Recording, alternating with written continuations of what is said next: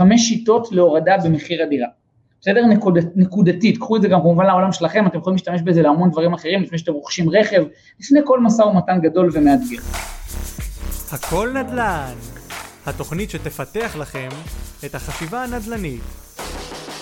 יחד נעזור לכם לייצר את החופש הכלכלי עליו אתם חולמים, באמצעות השקעות נדל"ן בטוחות, חכמות ורווחיות.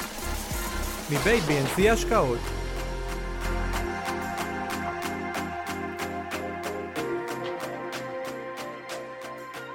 חמש טכניקות מאוד נקודתיות, זה הולך להיות מאוד קצר וקולע, חמש שיטות להורדה במחיר הדירה.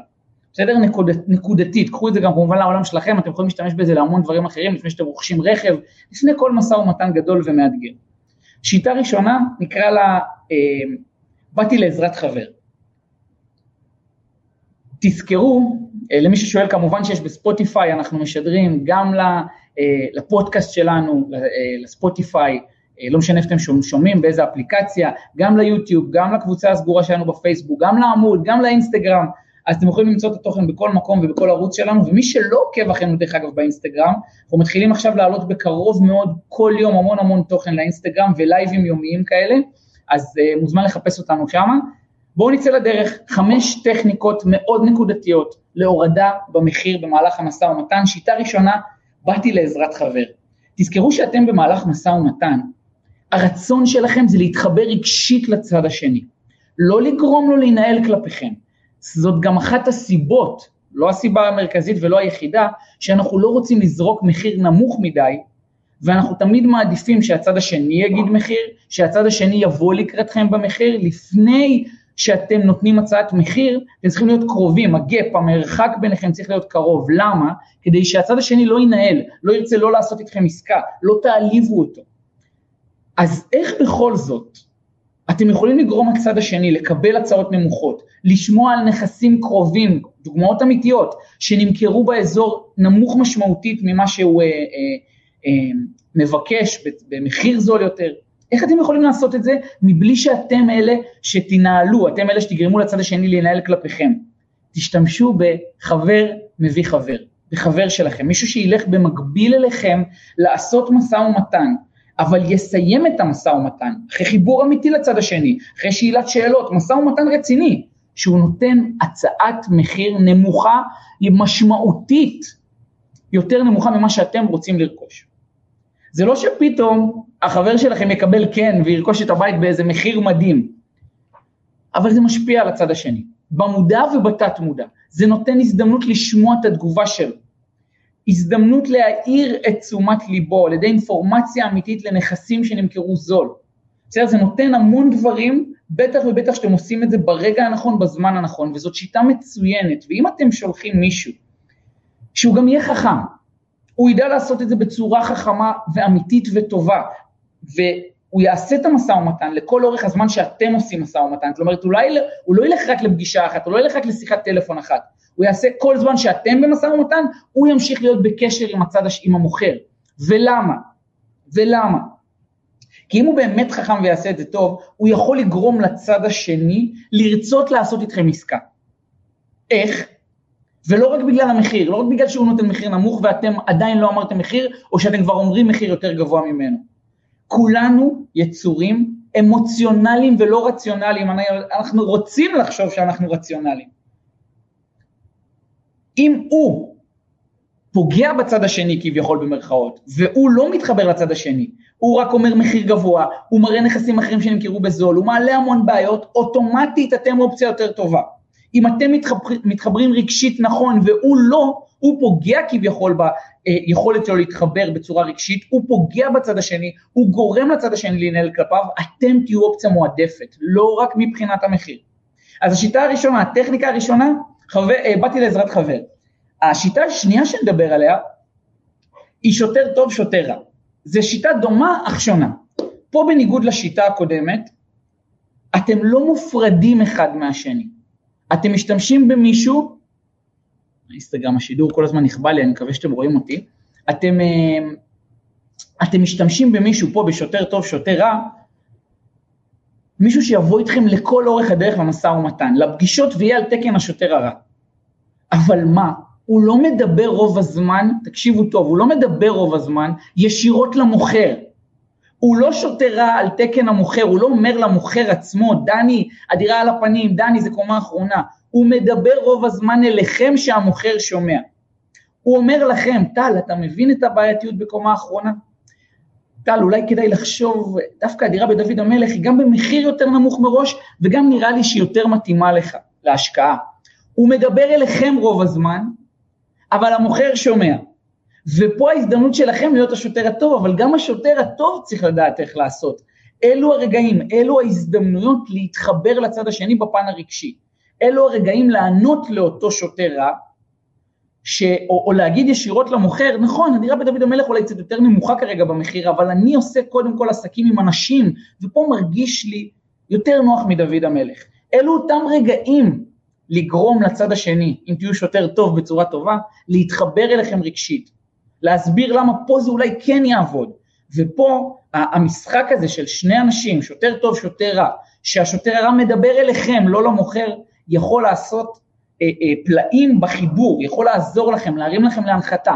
מה גם שכל הזמן הזה, הצד השוטר הרע הוא זה שזורק את הדברים, את האינפורמציות שככה קצת לא כיף למוכר לשמוע. את זה שיש עוד משא ומתן, את זה שיש עוד דירה שאתם מתעניינים בה, את זה שיש דירה במחיר יותר טוב, את זה שזה קומה אחרונה וזה יפגע באלף בית גימל.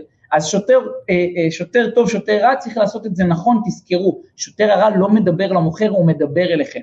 אז השיטה הראשונה הייתה, חבר, אה, באתי לעזרת חבר.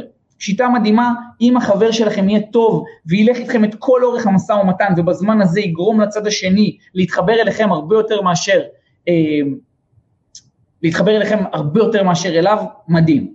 השיטה השנייה אמרנו שוטר טוב, שוטר רע. השיטה השלישית, להתחיל מהסוף. בסדר? לגרום לצד השני להתחיל מהתוצאה שהוא רוצה.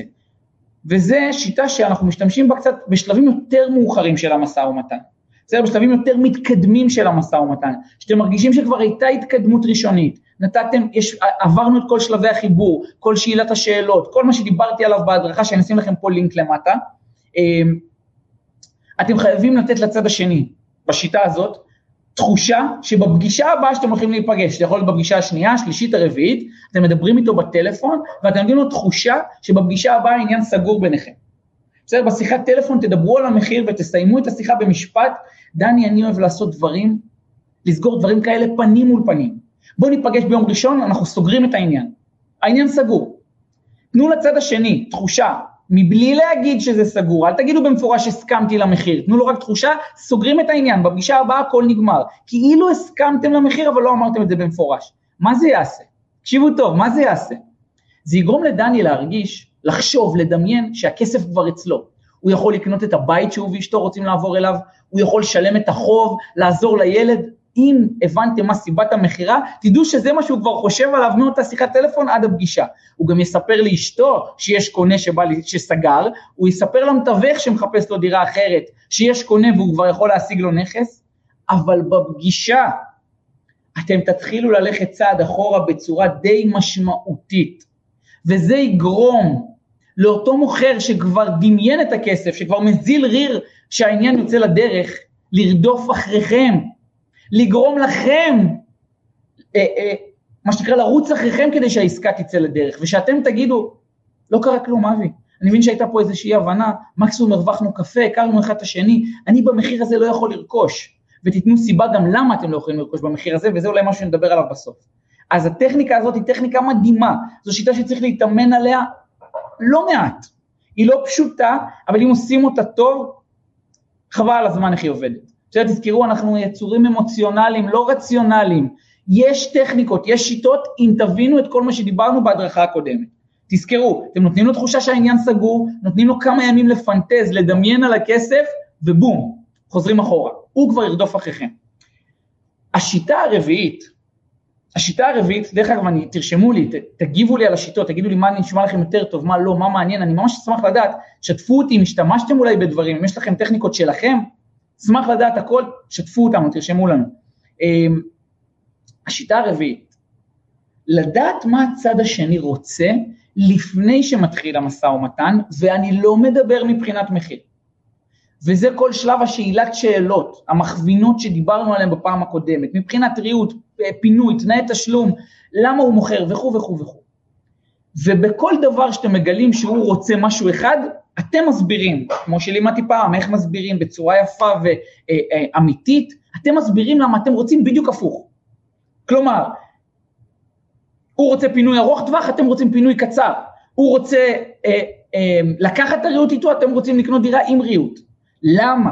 מה זה ייתן לכם?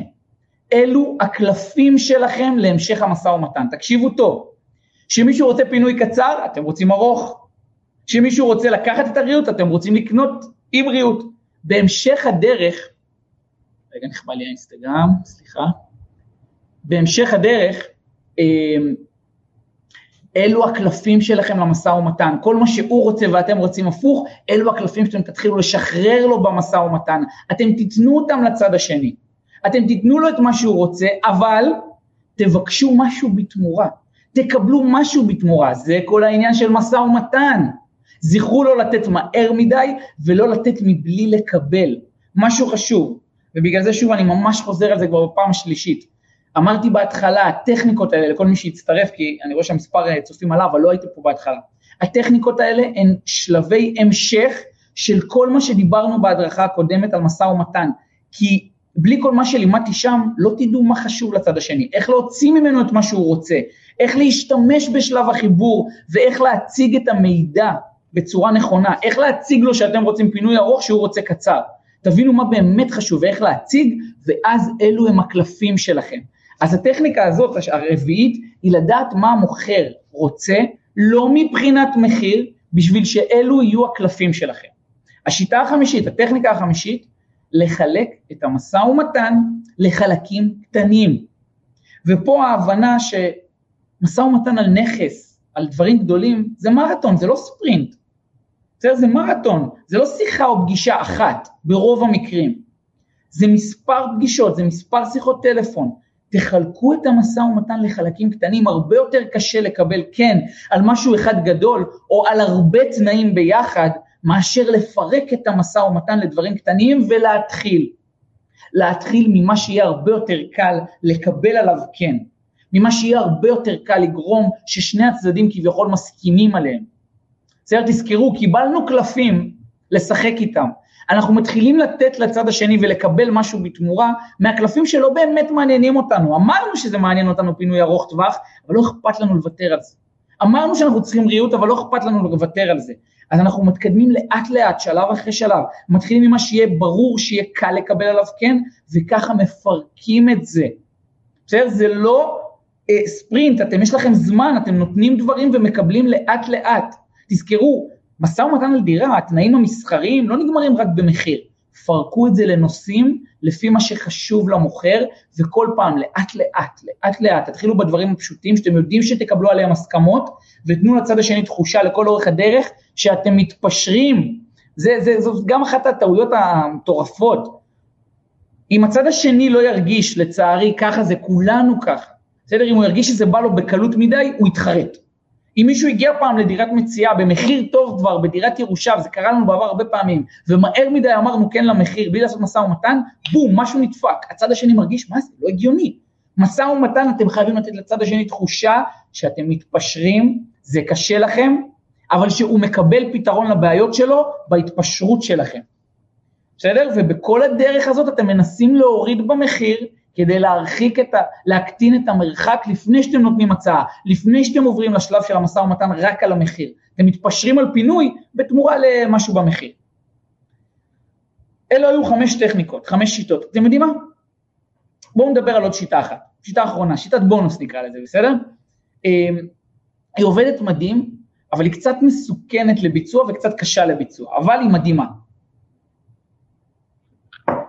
נקרא לה שיטת המחסור. כולנו אנשים אמוציונליים, כמו שאמרתי. אף אחד מאיתנו לא רוצה להרגיש פספוס, להרגיש שנגמר. אה, אה, כל המבצעים, רק שלוש יחידות ספציפיות. אה, זה לזמן מוגבל, לא יישאר לי, המחיר יורד. זאת אומרת, המחיר במבצע ואז עולה.